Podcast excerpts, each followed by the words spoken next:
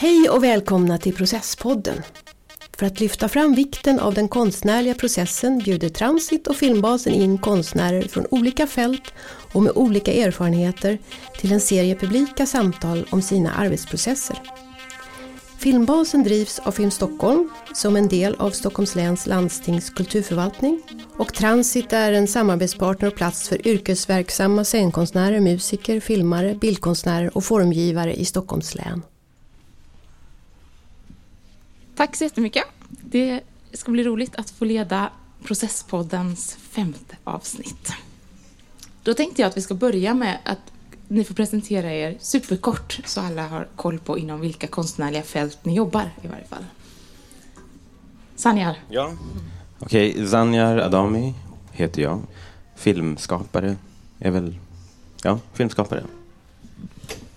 Och jag heter Gunnar Gräs och jag är väl mest av allt bilderboksmakare. Men jag skriver och jag föreläser och håller på med många andra olika verksamheter också. Då finns det ju en liten tradition här då på Processpodden att vi ber alla konstnärer som kommer hit för att prata att ha med sig en sak som på något sätt symboliserar era konstnärliga processer. Har ni med er varsin sak? Yay. Ja. Då kan vi börja med dig Gunnar. Vad har du med dig? Inplastat. Vad kommer komma fram här? Det här är en, en gammal kär vän till mig. Det är en mekanisk kyckling som hoppar runt när man drar upp den. Det var så min farsa han var så såld på såna här mekaniska leksaker. Han köpte massor till mig, men mest för sin egen del förstås. Och jag tyckte aldrig om dem. Jag var tvärförbannad på att jag inte förstod vad, vad det var, hur det funkade, hur det såg ut. Så att det, då tog jag fram en sax och så bände jag bort det här plåthöljet. Och då kom det blod. Och plåster fick jag på mig förstås. För det var ju naturligtvis självklart att man skulle göra sig illa. Jag försökte få igång den igår kväll med lite låsspray. Men den tog ett hopp och sen dog den igen. Men eh, vad som hände när jag fick bort höljet var att jag kunde se hur kugghjulen rörde sig och hur fjädern spände sig när jag drog upp den. Och när ni frågade efter en grej som kunde beskriva en process så kom jag att tänka på det här. Jag har haft den ända sedan dess. Den står framför mig på ritbordet. Jag tycker att det där är en väldigt bra exempel på konstnärlig process. Man ger sig i och, och borrar i sånt man inte förstår sig på. Och så kan det bli blodigt förstås. När tar du fram den idag? Den står där jämt. Jag vinkar till den ibland. Det är första gången den är ute ibland folk. Tack, den var jättefin. Ehm, I normala fall brukar man ju få hänga upp sin lilla sak i vårt åbäke. Men idag är inte åbäket med, så Ann-Marie får ta med den och hänga upp den lite senare. Vad har du med dig, Sanja? Ja, alltså jag, jag tog med mig en lite större grej. En sån här ram, bara. Eh, jo, men jag... Det här tycker jag sammanfattar min konstnärliga process ganska bra. Eh, jag ägnar enormt mycket tid åt den här ramen. Det, tar, det, kan ta flera år att komma fram till den här ramen, vad det är jag ska göra. Eh, hur stor den ska vara och när jag väl har satt ramen så är den icke förhandlingsbar. Då sitter den, då är det det här, då är det det här som ska berättas. Eh, och sen så när jag väl har ramen så gör jag några, nu har jag inte gjort det, jag tänker att det här skulle vara ett nytt projekt. Så gör jag lite skisser, lite så här, eh, tecknar du jobbar med en fysisk ram? Eh, nej. nej, jag är mer mental. Mm. Men, eh, men det blir, blir en affisch sen till slut. Den är inramad. Jag har ju mina gamla filmer. Eh, så då börjar jag skissa liksom, och eh, ge en, en riktning och en, vad jag vill berätta. Eh, och det är väl någon slags manus. Då. Och sen så bjuder jag in massa roliga, riktiga konstnärer som gör det åt mig. Som fyller i helt enkelt. Uh, för det är så kollektivt med film. Så det är scenograf eller fotograf eller uh, kompositör eller alla de som kommer in. och då, har de, då är jag väldigt så här, tydlig med den här ramen. Inom den här får ni måla hur ni vill, inte utanför den. Uh, och här är liksom grunddragen som ni kan följa. Och sen blir det jätteroligt att se vad det blir av det. Jag, släpper liksom. jag är väldigt kontrollerad i början och sen släpper jag det mer och mer. Får du liksom lust att eh, liksom måla utanför ramen då? Eller gå över Ja, men det, gränsen? det, det händer att jag gör det och eh, eh, då, jag, då går jag tillbaka ganska snabbt. Eller när någon målar över så, så är jag så här, ja, men det här är inte riktigt vad jag vill göra. Så, eh, men under tiden jag skapar den här ramen så håller jag på och så här, snurra runt hur mycket som helst. Och sen så har en tendens att, att krympa lite också med, med tiden. Att jag blir mer och mer så här, precis med det jag vill göra. Så, och jag är liksom, jag är så ingenjör från början, så jag är ganska fyrkantig egentligen i hur jag approachar eh, liksom det jag ska göra. Eh, men jag tänker att när jag gör den här ramen så kan man få vara intuitiv inom den. Att det blir en frihet av att det finns avgränsningar. Eh, så att jag, ja, det Vad bra. Nu börjar du komma in på något som jag tänkte vi ska prata om. Ja. Så det är en perfekt övergång. ja, perfekt. Jag tänkte kolla, hur får ni idéer? Finns det något mönster eller något sätt som ni brukar, där det brukar börja? Där er process börjar? Ja, för, för mig är det som, jag kan börja lite. Eh, För mig är det som en eh, som vilken relation som helst. Det är förälskelse. Så du bara möter en idé som jag blir så exalterad över. Eh, och som jag har eh, ofta en ny förälskelse med. Och bara så här, jag får energi och jag får nya idéer och den, den liksom, det är en organisk, så det, det leder till fler idéer. Om det är en sluten idé som fastnar, då vet jag att okej, det här var bara något tillfälligt. Men, eh, men så om det växer och sen så måste den här nyförälskelsen övergå till ett så här, förhållande också. Att jag upplever att det här, det här ska jag kunna leva med i flera år. Eh, Då räcker det inte med den här nyheten. Så här, Men är det liksom något du ser eller vad är det som gör Ja. att det föds från början? Eh, men det, det är ehm, ett... eh, ofta är det en... eh, Det är inte så mycket utifrån, saker jag ser utifrån, utan det kommer mest inifrån. Att det är någon så fråga som jag... Så här, den här frågan får jag och vill och hitta något slags så här, svar på. Jag är på väg att hitta ett svar, så vill jag liksom utforska det. Och eh, så kan det vara en, en, också en tydlig bild plötsligt som är så här, oj, vad är det här, den här bilden? är så här viktig för mig. Jag vet inte riktigt varför, men jag vill ta reda på vad det är.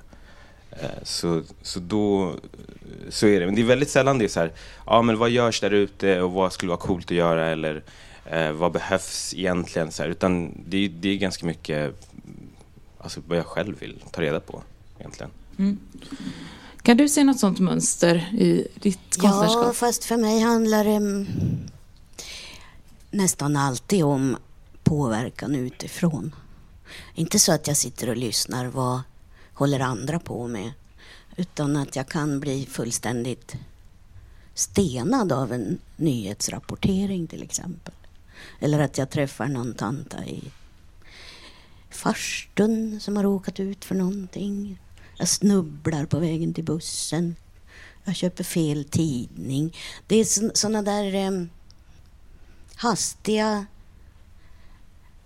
Det är en hastig känsla av närvaro som, som, som ofta då, när den krockar med mina egna minnen och mina referenser och erfarenheter och, och sånt jag går och är ursinnig över eller känner mig hjälplös inför och så. Då kan det sätta igång en process, en tankeprocess, en reaktionsprocess som sen leder till att man man får någon idé som kan vara värd att utveckla. Och då kommer ju det här ramarbetet igång som du beskriver. Jag tycker det är så intressant med intuition. Man möter ofta människor som för, förblandar, rör ihop intuition med inspiration. Så säger de så här, Åh, Gud, hur kan det göra det här? Säger de.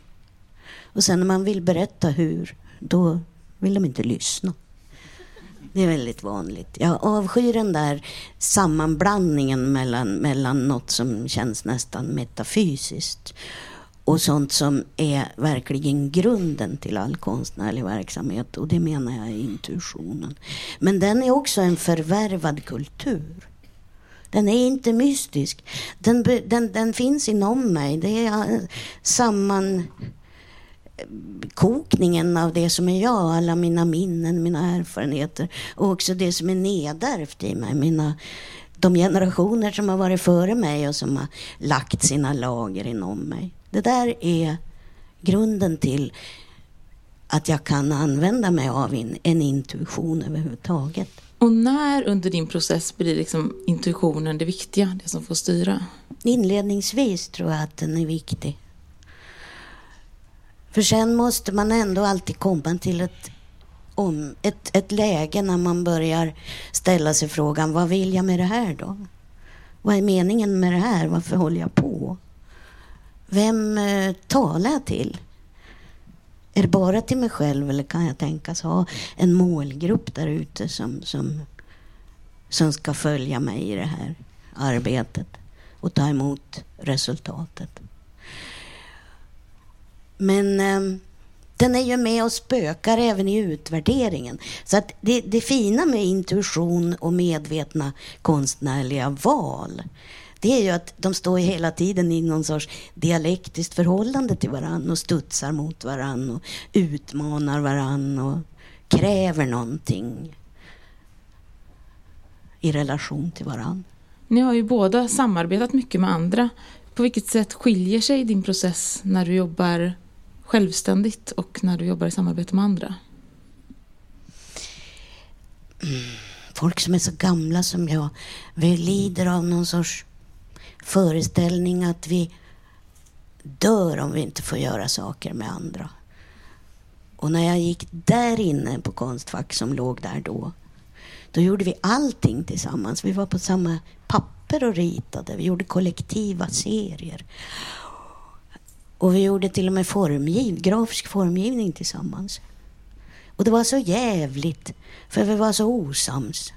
Och det var så hopplöst svårt att kunna få en annan människa, trots att man stod väldigt nära varann, att kunna internalisera ens egen vision och, och koncept i det. Så att... Eh, ja, blir man blir utmattad. Lägena? Man blir utmattad. Men när jag sen jobbar med det jag gör idag, som är bilderboksberättande, går inte att släppa in någon i själva bildarbetet. Då, då är jag så glad att jag får vara i fred i det rummet. Jag måste ändå hela tiden föra samtal med författare och redaktörer och andra som är inblandade i bokproduktionen. Men bildarbetet är mitt. Det rör ingen. Vi hoppar över till dig. Du har väl också jobbat mer självständigt eller mer tillsammans med andra regissörer i varje fall? Eh, ja, en gång med en regissör, min annan regissör, första filmen. Och det tror jag inte jag gör om. Eh, just för att eh, jag känner med den här eh, ramen och den här idén att den är, den är så personlig. Även om jag tycker det samarbetet funkar bra. Men, eh, men jag jobbar nästan bara kollektivt. Jag är alldeles för sällskapssjuk. Det är min stora hinder nu till exempel. Om jag ska skriva så har jag försökt, eh, jag försöker ju påskynda min process genom att delegera den på andra. Det är, där, det är så jag började egentligen. Jag var ju redaktör för en tidning och eh, egentligen kom på idéer som andra skulle utföra. Men nu går inte det längre. Jag har insett att jag måste göra det här själv. Och eh, det är sjukt jobbigt tycker jag att sitta själv länge och skapa någonting utan att någon annan liksom hjälper en. Så jag, jag måste jobba kollektivt även när jag jobbar själv. Jag samlar en handfull människor omkring mig som jag bollar med på olika sätt hela tiden. Men vad händer om era intuitioner krockar? Ja, men då vinner min. Någon måste leda det här. Nej, men det, det blir så. Det, okay, jag lyssnar och sen så är det så här, ja, men det, det är det här. Men så får jag liksom förklara varför. Det, och det, där, det är då jag kommer tillbaka till det här året av eh, ältande kring idén. Att jag är väldigt så här, bestämd på vad jag vill göra. Eh, och då brukar folk uppskatta det faktiskt. Att det, de tycker det är ganska skönt att ha eh, en, en ram att liksom jobba inom. Men jag tycker det är intressant, jätteintressant att lyssna på det. För för mig, det här med intuition och processer, så där, det är, för bara några år sedan var det ju värsta flumsnacket tyckte jag. Jag kom inte alls från en så här konstbakgrund. Och jag flyttade in i Transit och då pratade de om konstnärliga processer. Och jag så här, vad är det för något? Jag vet inte vad det är. Och jag, jag kollade in, så här, smygtittade på de här konstnärerna som satt liksom, i sina ateljéer och jag sa, vad gör de egentligen? Jag, jag, jag tyckte inte de gjorde någonting. De bara gick runt och pillade på grejer och så här, men de producerar ju ingenting. Och jag kommer från, liksom, jag var ett entreprenör, jag så här, startat ett bolag, journalist, spottade med artiklar och bara är produktiv. Liksom. Och så de var så här, gick runt. Så och, och, nu, när mina kompisar frågar mig, hur går det med din film? jo, nej, men jag är i en skrivprocess nu. Jag har pågått några år. Ny version snart. Och så ser jag hur de tittar på mig och så här, vad hände med Zanjar egentligen? Alltså, det, bara, det, det, jag tycker det, det, har blivit en enorm så här förändring i mitt eh, system kring hur jag ens eh, liksom approachar vad jag gör. Det är en, ett helt annat and, andning. Som från att vara den här Speedy Gonzales till att bli den här maratonlöparen som liksom ska låta saker sjunka till djup, djupare och djupare och låta saker ta tid. Och, det är en jätteutmaning för mig eh, som bara vill liksom göra. Så. Jag tänkte, ja, kör du. Jag, jag tänker att eh, jag är arbetarbarn från början och då har jag alltid hört hemma hur det är viktigt att man respekterar arbetet, eget arbete och andras arbete. Och sen när jag kom hit och började med min konstutbildning, då var det aldrig någon som pratade om arbete. Nej. Intuition däremot och inspiration framför allt. Och, och, det där är så synd därför att om vi kunde skapa ett språk för det här som vi håller på med, då skulle det bli uppenbart för nästan vem som helst att det är arbete som pågår. För det är det. När vi processar och väljer och förkastar och kommer på nytt och prövar och hugger och mejslar så gör vi i princip ett hantverk som bygger på intellektuella överväganden och så. Men det är ju ett arbete. Och jag vill att vi som jobbar med, med konstnärliga uttryck och konstnärliga verksamheter ska kunna känna oss stolta över det arbetet och också kunna formulera oss kring vad det är vi gör. För att eh, jag tror att det skulle kunna minska avståndet till alla människor där ute, alla vanliga människor. Min farsa som inte hade någon, någon utbildning mer än 13 år i folkskola, han kunde ibland bli sittande och fundera över vad det var som gjorde Gösta Ekman så bra. Och det där tyckte jag om att, att se honom krångla med vid köksbordet. För det var väldigt löftesrikt tyckte jag. För jag hade redan då börjat känna det här att varför ska jag byta akvarium? Vad är det som gör att konstnärer är ofta så, så ensamma i sina roller? Och att misstänksamheten mot vad vi håller på med, kulturfientligheten, de här vattentäta skotten mellan människor i det här skitsamhället. Varför? Varför? Det är inte nödvändigt. Och kommer det då en sån som Gösta Ekman, då raserar han alla, alla väggar mellan den ena människan och den andra. Enbart genom att ha ett bra koncept och en, en, en begåvad, ett begåvat uttryck. Det är kvalitet helt enkelt och det går igenom allt. Så tänker jag om, om det här. Men gud vad det finns mycket kvack och svammel om konstnärliga processer. Man kan ju bli tokig ibland. Absolut. Jag tänkte, Sanja var lite inne på det här med att vilken roll andra har i ens process, eller hur mycket man lyssnar på andra. Och vid vilket, jag tänkte ställa den frågan till dig lite. Vid vilka tillfällen tar du in feedback från andra och vilka lyssnar du på? Och när är det bara skit att höra andra åsikter om det man gör? Alltså. Jag, är, jag tycker om kunskap och erfarenhet, men jag vill uppsöka den ofta när jag känner att jag behöver den. Jag kommer ihåg här inne när man stod med eh, framför krokimodellen och var helt svart av sot. Och kladdig och arg urförbannad över att ingenting gick som man ville. Då kunde det komma en lärare glidande bakom ryggen på en och väsa i örat på en så här. Här händer det saker. Och då kunde man bli fullständigt vanvettig och vråla. Vad fan är det som händer? För man kunde inte förstå vad som händer. Och det där är ju ofta när kritik kommer in vid fel tidpunkt. Vad ska man då göra med den? Hur ska man kunna ta till sig det som, som landar fel? Eller, sen är det ju så att många människor har inte alls samma väg.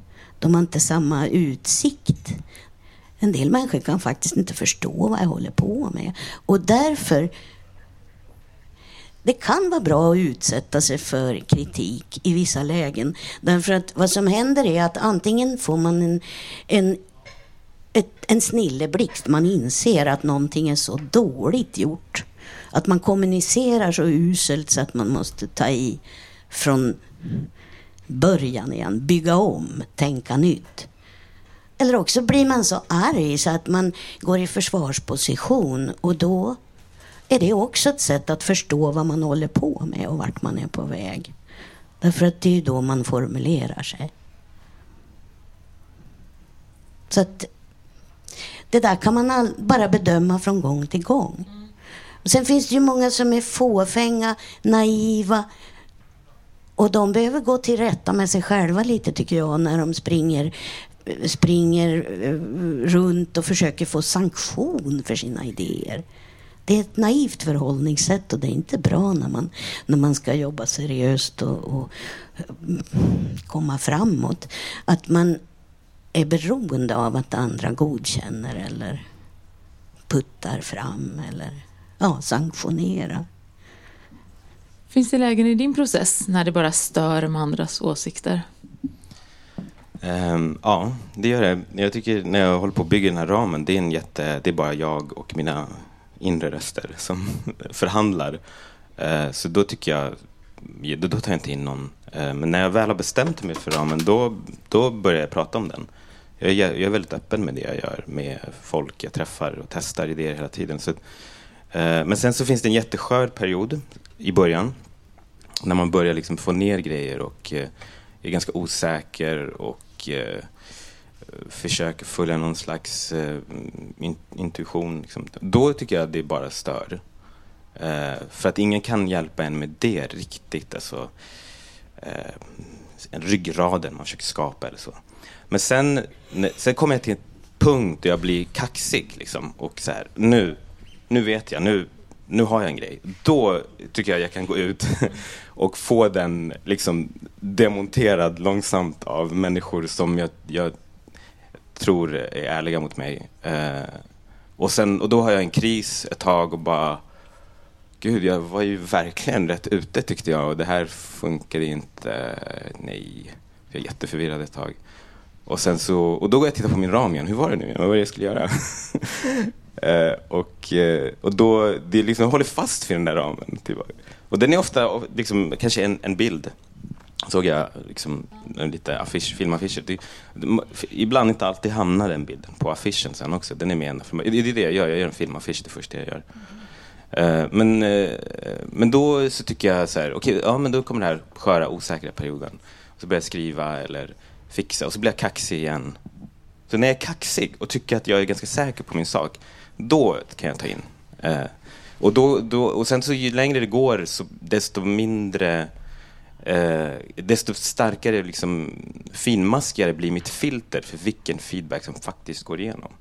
För jag kan se så här, det här, absolut, men det, det, där har jag gått redan, det har jag testat, det har jag tänkt på det där. Det Handlar det om vad de säger eller vilka det är? Alltså, ska det vara uh, folk i samma bransch eller ska nej, det vara vänner och släktingar? Ja, det är vad de säger. Jag har ju vissa som hantverkare som jag vet kan ge mig så här, ja men eh, dialogen på scen 3 till exempel, där tycker jag, de, de kan vara så specifika. Men, eh, men annars är det ju så här, eh, mina polare, alltså mina söner, de, de är åt, åtta och sex, de är stenhårda. Alltså, För min förra film sa, sa min åttaåring så här, ja du kan ju lägga upp den på Youtube, du kommer inte få en enda like. och min andra son sa så här, ja, men jag tror alla i Kina kommer gilla den. Vilket är ganska många i och för sig. Så då, de tar ner mig på jorden. Eh, och jag tänker om de hajar den här grejen, då eh, att jag, ska, jag försöker vara så, så tydlig och enkel att de kan haja det här. Uh. Men de är inga fans än i alla fall. Ja. Eh, jag tänkte, du, du var lite inne på det här att man har sina dippar eller när det känns som att allt är skit. Har du någon metod hur du tar dig ur när det känns Gud, så? vad bra att du frågar det här. Jag tänkte på det igår. Jag tänkte på det här igår kväll. Ja, eh, hopp, hoppades att den här frågan skulle komma Ja. upp. För jag tänkte verkligen, vad är det som händer när man fastnar och dippar sådär? Och så kom jag fram till att det är tre, tre grejer det beror på.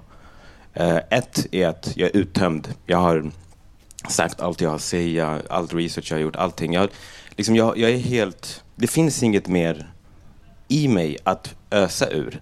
Och då eh, är det därför jag har en dipp och fastnar. Då, då gäller det att backa och försöka fylla på sig själv med inspiration, filmer, vad det än är. Så det är liksom eh, tills jag påvisar jag kan lägga på. Det andra grejen för mig då är att jag möter ett känslomässigt motstånd för att jag tycker att jag har gått från ett väldigt intellektuellt arbete som jag tycker är snabbare, Hjärnan är lite snabbare, till ett väldigt emotionellt arbete. Det är därför det tar sån tid. Och så här, man måste processa och så. Och, ehm, och då eh, så kan det vara att jag, jag är nära någonting som jag egentligen eh, har velat komma åt hela tiden med det här skapelsen. Men jag är inte mogen för det. Jag är inte där. Alltså. Och då är det det. Om då kanske jag måste backa, typ samla lite kärlek av vänner och bara så här, prata om vad det än är och så. Då kanske inte det är... Eller så är det att eh, det, det är något med det här hantverket jag inte behärskar. Alltså det är för svårt helt enkelt. Jag, eh, Till exempel? till exempel tycker jag att skriva en lång, ett långfilmsmanus är jättesvårt. Uh, och jag, jag har skrivit kortfilmer och sådär, men det, det är liksom det är en ganska stor skillnad. Och då så blir det så här, ja ah, okej, men vad är det jag inte behärskar än? Alltså vad... För just nu skriver du på det första. Jag skriver, ja, långfilm precis. Och då eh, är det så här, men gud, jag, varje gång jag skriver en, en replik tycker jag den är superplatt. Och eh, då dippar jag för att jag känner inte att jag kan skriva dialoger. Ja, men då, Men är du självkritisk i för tidigt skede då? Ehm, Nå, alltså... Ja, det är min första, precis. Ehm, men jag tycker ändå eh, att jag hoppas att jag har någon så här självinsikt kring vad jag mina styrkor och svagheter. Och jag vet vad mina svagheter är. Och då så kan jag... Men då blir det så här, okej, men hur kan jag bli bättre på det här? Då, får, då slutar jag skriva dialoger, för det är bara så här, sänker mitt självförtroende. Då får jag försöka uh, boosta mig själv på något sätt. Att lära mig mer om det här hantverket, just den här delen. Och, och då gör jag det istället för att skriva. Så då, Pausar skrivandet ett tag Precis, för så det är de tre liksom, huvudskälen till att jag fastnar. Och, eh, och vad jag gör då för att komma ur. Men alla tre grejer handlar om att släppa bara. Mm. Alltså lä, låt, lämna det och gör, liksom, fyll på dig själv med någonting annat. Och inte så här, banka huvudet i den där väggen. För det har jag också gjort ganska mycket. Och det är bara destruktivt. Det kan man ju känna igen. Känner du igen dig i det Sanja säger? Ja, fast jag knep. skulle kunna sammanfatta det för min egen del som att det egentligen bara handlar om att jag är på fel spår. Jag har en dålig idé. Det, det är något knas med konceptet. Jag har Men inte händer tänkt inte- igenom det tillräckligt. Händer det inte att du får sådana kritiska liksom, perioder även när det är en idé som du tror på?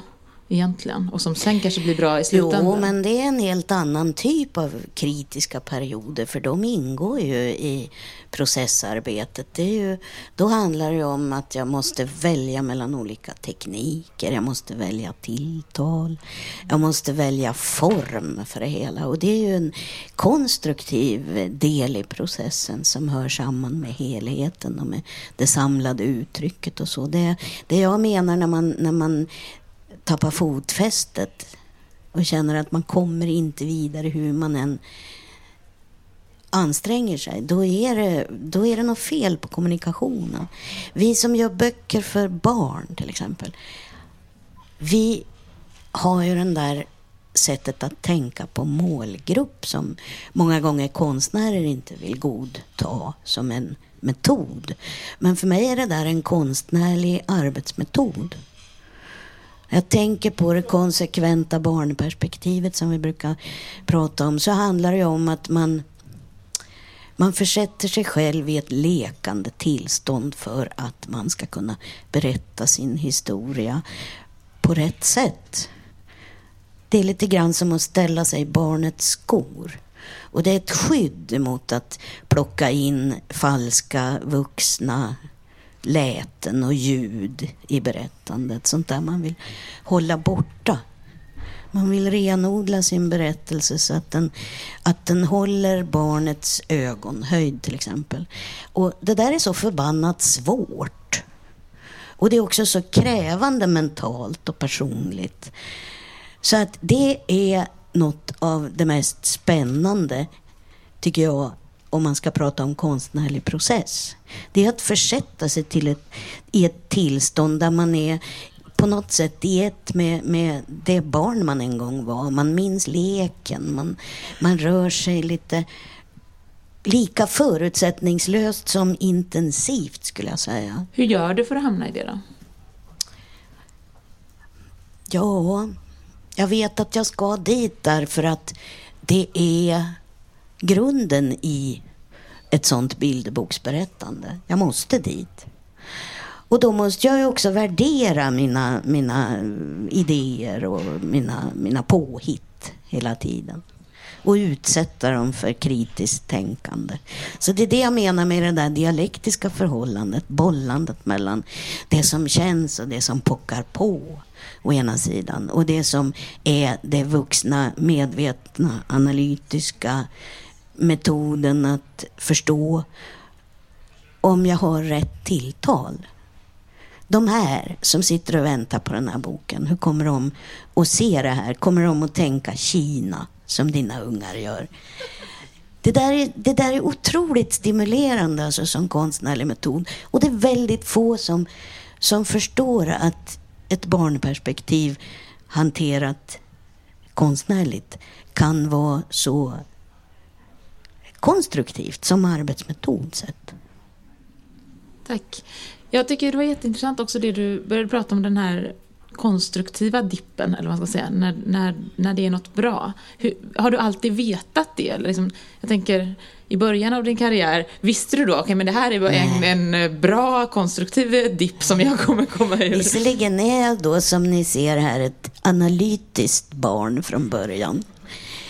Men eh, jag har inte kunnat sammanställa mina verktyg till en låda förrän jag har hållit på i många år och skaffat mig olika erfarenheter som bygger på lycksalighet och haveri i ständig kommunikation. Så att det här är ju erfarenheten som gör att man kan säga att nu kavlar jag upp ärmarna och så börjar jag rota i det här. För nu ska jag ha fram vad det är för jävla fel jag gör. Hur, vad gör du då, då? Hur gör du? För att märka Ja, men till exempel var. bild handlar ju jättemycket om estetik. Mm. Om jag sätter mig och försöker vara lite behagsjuk och gör någonting som ser väldigt eh, inbjudande och intalande ut. Då måste jag ju fråga mig, hur förhåller sig den här bildestetiken till textens karaktär och uttryck till exempel? Den kanske är socialrealistisk. Om jag ändå envist håller fast vid det där behagsjuka läget, dekorativt kan vi säga, så vet ni vad jag menar. Då måste jag ju ha ett svar inför mig själv på frågan varför jag envisas med att fortsätta teckna på det viset. Varför jag inte klipper. Eller, eller målar med fingrarna. Eller, eller eh, ja, hur många olika konstnärliga val det finns när man står inför en, en text till exempel som, som ska bildsättas. Det är ju oräkneliga. Och jag måste veta varför jag väljer det ena framför det andra. Ulla Redin som är bilderboksforskare, hon brukar alltid säga en bra sak. Hon säger alltid inte är det här fint eller fult? funkar det här eller inte? Utan hon säger, med vilken effekt väljer bildmakaren att göra på just det här viset? Och det är den frågan som, är, som jag är ute efter hela tiden och som jag vill säga till alla som håller på. Ställ den frågan för fanken. Den är den mest värdefulla av alla. Med vilken effekt gör jag på det ena eller det andra viset? För den handlar ju ytterst om vad vill jag med saker och ting. Och vad andas och uttrycker det här som När i processen ska man ställa sig den frågan då?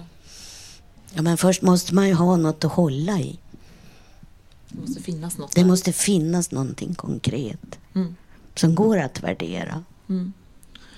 Ehm, jag tänkte på, har ni någon gång jobbat med något projekt rätt länge innan ni valt att kasta det eller börja om från början? Och vad är det i så fall som krävs för att man ska faktiskt börja om från början? Jo, men jag, jag har gjort det. För mig till exempel, jag gjorde en tidning som heter Gringo för massa år sedan och sen började jag på en tidning, eh, en ny tidning. Kom Som du startade Som själv jag också? startade precis och kom väldigt långt. Och så hamnade jag i ett vägskäl av att jag började också samtidigt på min första film och då var det så här, vad, vad ska jag göra? Jag kan inte göra båda. Så där var det att jag kastade en hel karriär kan man säga. Som jag hade liksom byggt upp under några år och bytte Under några år hade helt. du jobbat med... Ja, jag hade jobbat precis. Alltså jag hade jobbat under något år med den tidningen. Eh, så det, det är ett exempel att det bara så här, jag bytte fält. Ehm, Men vad gjorde att du liksom slutade tro på den idén som du hade jobbat med under något år? Eh, nej, men det, det handlade mer om eh, att jag hittade ett språk som var mycket mer kraftfullt än tidningsmakande, som var mycket mer känslomässigt och som var en kombination av alla medier och inte bara några få som jag tycker tidningar. Eh, som var mycket mer stimulerande och mycket svårare. Och tidning hade jag gjort, jag liksom, det behärskade jag. Och det var filmen eh, du hittade då? Ja, då hittade jag film, eh, dokument, dokumentärfilm. Eh, och då började jag göra det. Så då, det var ett, det var ett jättesvårt beslut, men det, det ångrar jag inte egentligen. För att jag, det är mycket mer stimulerande med film. Men annars så tycker jag att eh, eh, jag på något sätt garderar mig från det där genom att lägga så enormt mycket tid på den här ramen. Alltså det, det tar så lång tid att bestämma sig för någonting och eh, vrida och vända på det. Och då gör jag liksom en varför-lista. Varför ska jag göra det här? Och så gör jag en varför inte-lista har jag börjat göra på senare tid. Och sen kan jag se, försöka förutse alla skäl till att jag inte ska göra det här. För de kommer ändå komma sen. Och då väger varför-listan eh, mycket tyngre, inte bara lite, mycket tyngre än varför inte. Och har jag bra svar på varför inte, alltså motargument, då, då gör jag det. Då har jag ingen val. Då måste jag göra det.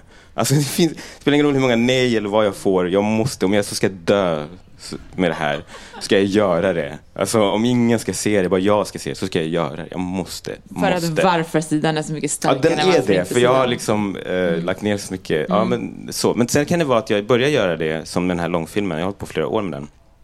Och jag, jag skriver ett manus, bryter ner. Skriver ett manus, bryter ner. Skriver ett manus, och så känns det som att jag har slösat år på det. Men, men, eh, så den kan ta liksom en, en annan form. Men den håller sig hela tiden inom ramen. Så då, då kan det vara så att eh, man har jobbat ett år kanske med ett manus och så bara, nej, nu börjar vi om. Det här funkade inte. Nu ändrar vi alla de här förutsättningarna. Och så, så, är det, så kan det vara. Ville du flika in något kring den frågan? Om du kastat något du jobbat länge med? Ja, det, vi lever i en tid som är så rörlig. Så att man har ju alltid en deadline så fort ett förlag är inblandat. Men man har ju också en, en deadline i ett större perspektiv. Därför att såsar man för länge som jag kan göra ibland när det dröjer innan jag får kläm på vad jag vill göra med någonting, ett manus till exempel då då kan verkligheten ha sprungit förbi det. Det där är väldigt svårt många gånger för författare att förstå. De tycker att de har sytt ihop en fantastisk historia som håller från A till Ö och som, som, som bygger på den där, ja men säg en trygg form av lycklig slapstick som borde funka över, över tid, var som helst, hur som helst. Och så kan det räcka med installationen av Trump så, så faller ett manus som om den mest lilla privata rumslighet som finns. Därför att ens vara och ens tänkande har förändrats. Och det där har jag varit med om flera gånger och det irriterar mig väldigt mycket för att det var inte så för, för eh, säg 20-25 år sedan. Vi levde i en mycket lugnare och mer letargisk lunk i förhållande till vad vi ville och de manus vi fick var på något sätt universella. På vilket sätt ser din arbetsprocess annorlunda ut då när du har liksom haft mer tid på dig på ett projekt eller när det är alldeles för kort om tid? Den ser inte annorlunda ut när jag väl kommer igång och jobba. Det här som gör att jag såsar som jag beskriver, det är ju för att jag måste tänka alla tankar som finns och tänka hur, hur jag ska gripa mig an det här. Vad ropar det här manuset på? Vilken form vill det ha? Hur ska jag uttrycka? Vad ska jag lägga till? Det är ju så med bild att den, är, den har ett delat berättaransvar med texten. Det vet inte heller författare alla gånger, men så funkar det. Så vad ska jag lägga till? Ska jag förstöra den här manuset, den här texten totalt genom att komma in från fel håll?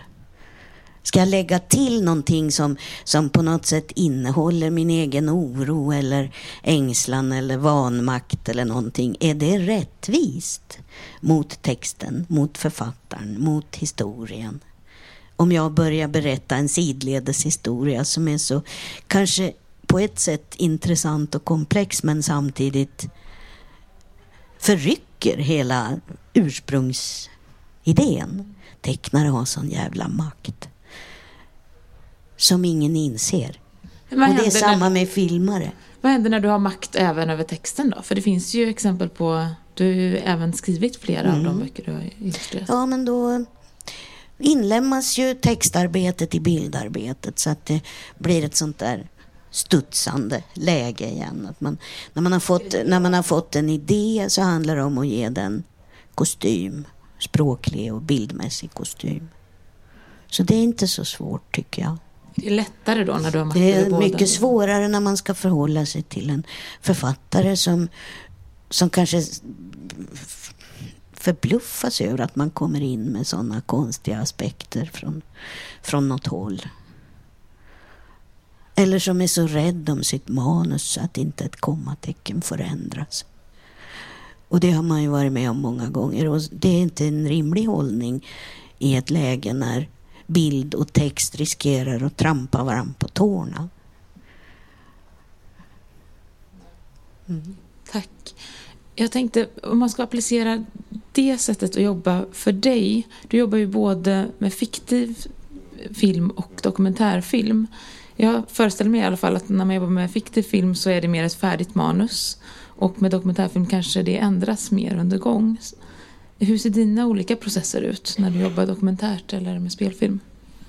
Ehm, jag har gjort en dokumentär. Jag tror inte jag kommer göra fler eh, dokumentärer. Jag är bara fiktion nu. Men för mig var dokumentär en väldigt bra ingång till film. För att det var ehm, att skriva manus med bilder direkt i klipprummet. Manuset skrevs i klipprummet. Och, och det har så präglat hur jag skriver manus sen. För att jag, jag får aldrig glömma bilden, att det är bilder man jobbar med.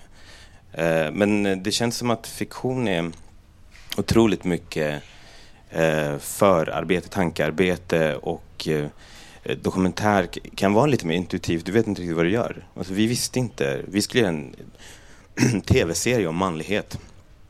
Och så blev det en jättepersonlig liksom, dokumentär om mig och min pappa. Så det var verkligen, blev något helt annat än vad vi hade, vi hade tänkt. Även om det fortfarande handlade om manlighet tycker jag. Hur långt hade ni kommit innan ni bytte?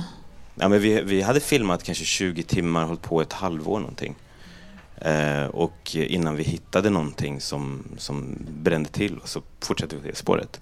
Och så blev det en lång film? Så blev det en lång, precis, dokumentär. Men, men sen med fiktion så eh, har ju förstått eh, manusarbetet, hur viktigt det är, hur länge man ska vara kvar i manus för att eh, underlätta för sig sen, för det bara blir problem sen i klipprum och inspelning och allting. Så, eh, så det är så här att få den ödmjukheten för, för manusprocessen. Men den är, ju- den är otroligt frustrerande. Alltså det, som i somras skulle jag börja skriva och då, det tog mig en, en hel vecka att skriva en mening. Skrev en mening på den här veckan. Vad var det för mening? Jag kommer inte ens ihåg, för jag strök den nästa vecka. Åh gud, det var så, två veckor och bara få igång någonting. Och jag fattade inte det här förut. Jag var så här, nej, jag, nej det går inte, jag ger upp. Jag kan inte någon annan skriva det här. Och sen så, eh, men nu har jag lärt mig så här, ah, okej det tar två veckor då. Det tar det två veckor, jag kommer inte få ut mig någonting på två veckor. Jag kommer bara, du vet, det här processen har jag förstått att det är, det är det jag håller på med egentligen. Men sen så bara, pff, kommer det. Alltså efter två veckor, då kan jag skriva. Flera meningar. Det kommer flera meningar, det kommer jättemycket meningar plötsligt. Jag att jag har ju ruvat på de där meningarna och så det var onödigt att jag gick runt tidigare en vecka och ruvade och så skrev jag aldrig ner det för jag trodde inte, jag gjorde något annat.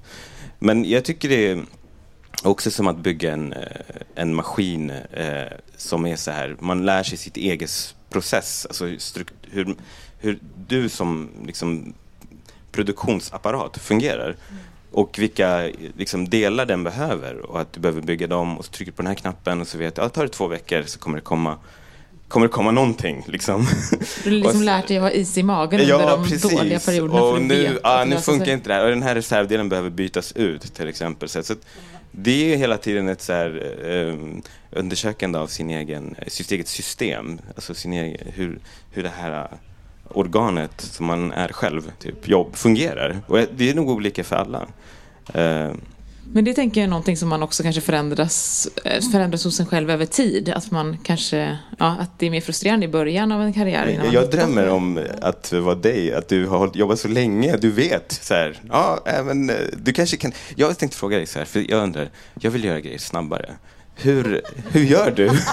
Bra hur kan du fråga. påskynda processen? Finns det några genvägar? Folk Ja, säger det går inte att hitta genvägar. Ingen, alla säger samma sak. Det är det värsta. Någon genväg.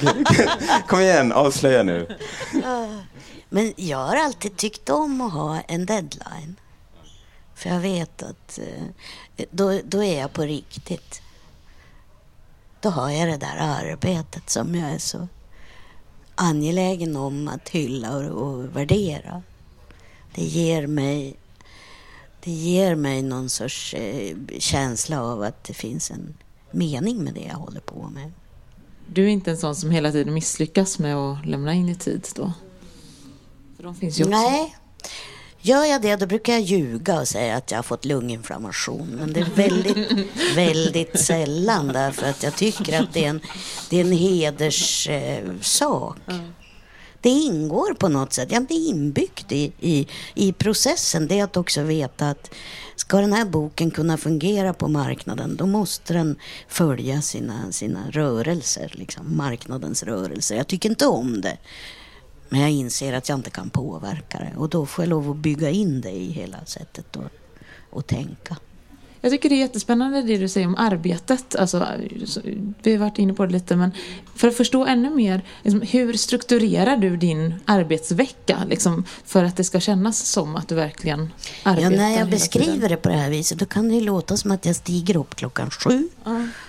och sen så avslutar jag lagom till Aktuellt klockan nio. Men så är det ju inte. Utan eh, under hela mitt liv så har jag hållit på och flyttat på tiden. Och byggt om dygnet och sådär. Så att man, man lär sig känna liksom när, när någonting bär. Då är det bara att starta motorerna och köra. Tills man är så utmattad att man svimmar i kull. För man måste ta vara på den där frenesin som kan komma i ett envist gnagande. Får du semester efter deadline då, eller? Ja, man är inte mer än människa. Man vill väl vara ledig ibland. Men när jag var yngre, då, då var jag så fokuserad. Man är så, så orolig att inte kunna försörja sig. Så att kommer det olika snabba jobb så tackar man ju ja. Men har Men du något också- mer för att inte också gå in i väggen? Då? Jag har aldrig gått in i väggen. Nej, hur lyckas du undvika det? man kan eh, mota den risken tror jag genom att känna att man har roligt när man jobbar. Att man vet varför man gör saker och ting. Jag tror att många av de som har det svårt idag De har det för att de befinner sig i arbetssituationer och på en arbetsmarknad som inte ger dem någon röst eller någon, någon, något värde. Det är därför vi är så vana att höra den där förtvivlade rösten om, om att gå in i väggen.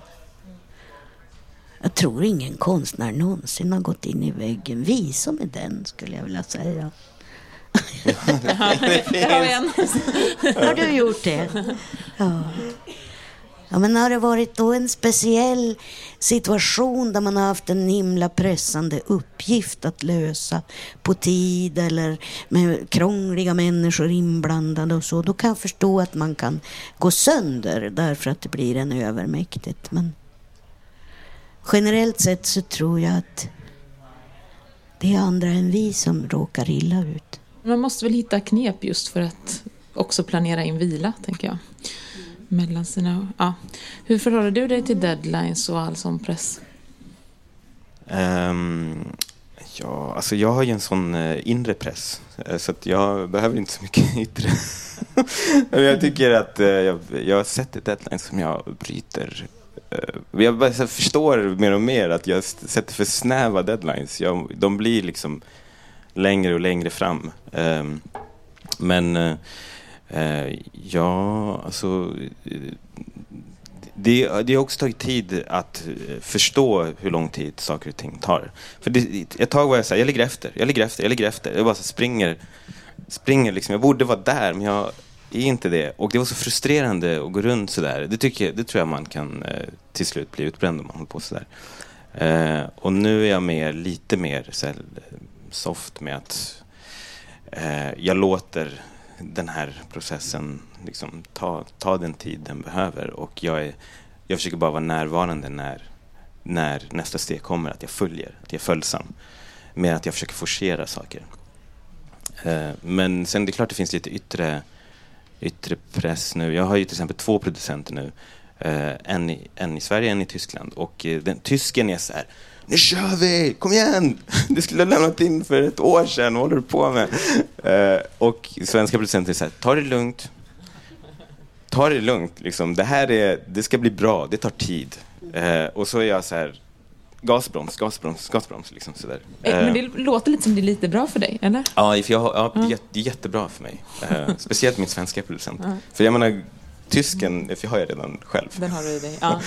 eh, så, ja det finns ju liksom en, en grundläggande konflikt i det här att kultur och marknad är liksom icke-kompatibla storheter egentligen. Så att när man arbetar för att utveckla sig själv konstnärligt och nå nya insikter och trimma sina verktyg och hitta rätt så är det ju egentligen man, man ryms inte inom marknadstänkandet. Det är bara att inse. Man har det där att förhålla sig till. Att det finns en tidsgräns, att det finns en målgrupp, att det finns, ja, det finns tryckare som har nya tekniska system som kommer att skjuta allting i sank. Som man har kämpat hårt för att återskapa eller, eller realisera, ska jag säga. Och det finns bokhandlare som inte förstår varför de ska ta in en bok när det finns något som heter Elsa Beskow. Det, det är hela tiden en sorts, det pågår en sorts ja, men, lågintensiv kokande konflikt mellan det som är marknadens villkor och det som är konstens villkor. Den kan vara konstruktiv men Tyvärr är den inte särskilt konstruktiv just nu för den här eh, utvecklingen som jag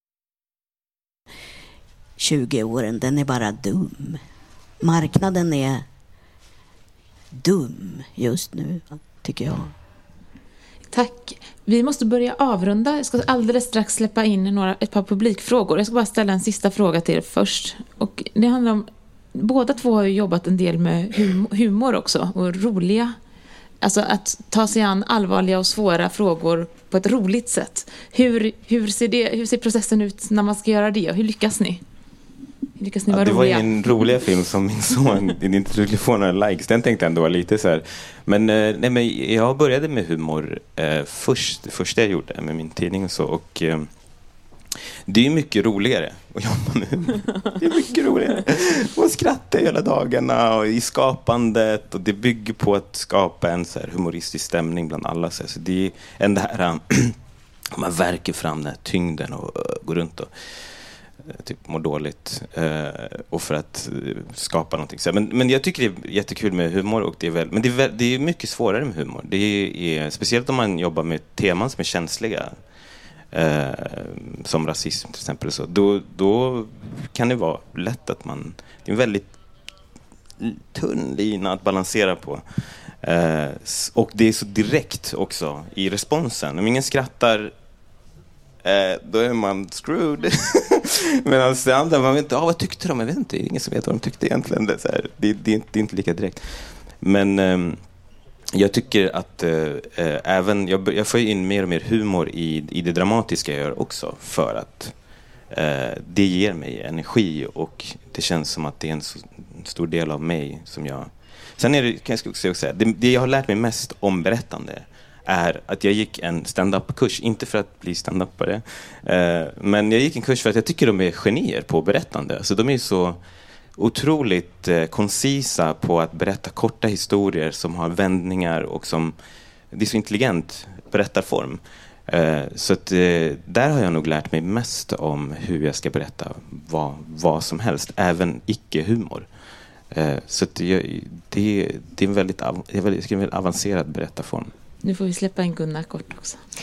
Du jobbar med Ja, satirisk Ja, jag har gjort mycket satiriska bilder. Men jag, jag kan inte sära det ena från det andra. För att allting kommer liksom inifrån så. Man har det humör man har. Man har den uppväxt man har. Någon har någon gång lärt en vad som är roligt. Och det bär man med sig.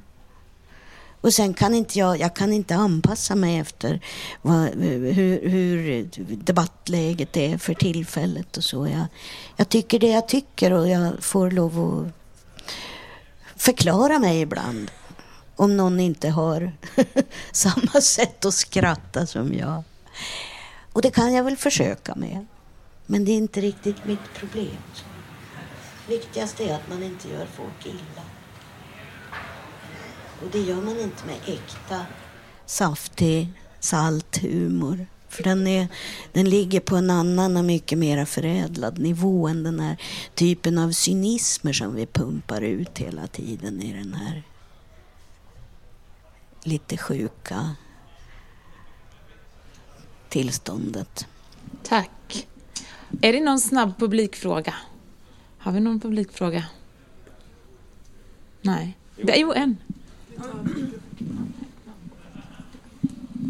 Ja, men jag, har, jag har en fråga och det är när, när den här ramen byggs. Jag var lite nyfiken bara så här, hur, hur ser en så här dag ut när, man, när den ramen byggs? Är den liksom mitt i li, liksom livet pågår och den bara kokar i bakgrunden eller är den så här Åh nej, jag tränar två, ja sådär. Jag har inte tränat på 12 år kan jag säga. Så det är inte när jag tränar. Jag köpte en bok faktiskt igår, Hjärnstark, att man kan bli smartare av att träna. Det kan vara den enda motivationen för mig. Men okej, det var inte din fråga. Ja, jo, men det är eh, konstant pågående. Alltså det är, eh, jag åker tunnelbana när jag diskar, när jag drömmer, sover, eh, hela tiden. Så, eh, och... Ehm, det är liksom så här, jag, t- idén kommer, det är en känsla, en idé och så testar jag idén på eh, mig själv, alltså olika sidor av mig. Så här, hur, hur hårt bankar mitt hjärta när jag tänker på det här? Eh, Ja, okej, det bankar fortfarande. Jag blir liksom, då, då vet jag, okej, okay, okej, då är det någonting. Det, och då är det så här, vad är det för känsla då? Är jag rädd? Är jag, är jag exalterad? Är jag liksom...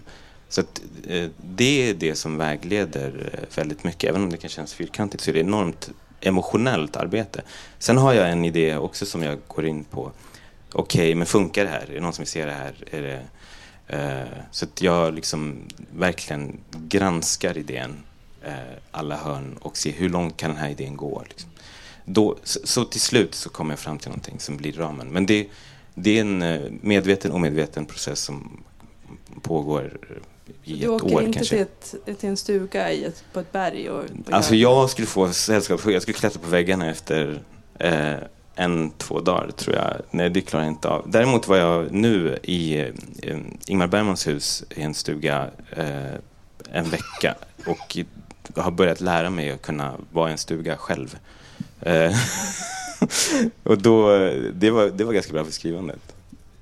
Jag tror vi måste avrunda. Din ram fick liksom bli ramen för samtalet också. Vi börjar och slutar med den. Tusen tack båda två. Det var jättespännande. Tack själv. Tack själv. Tack ni. Tack publiken.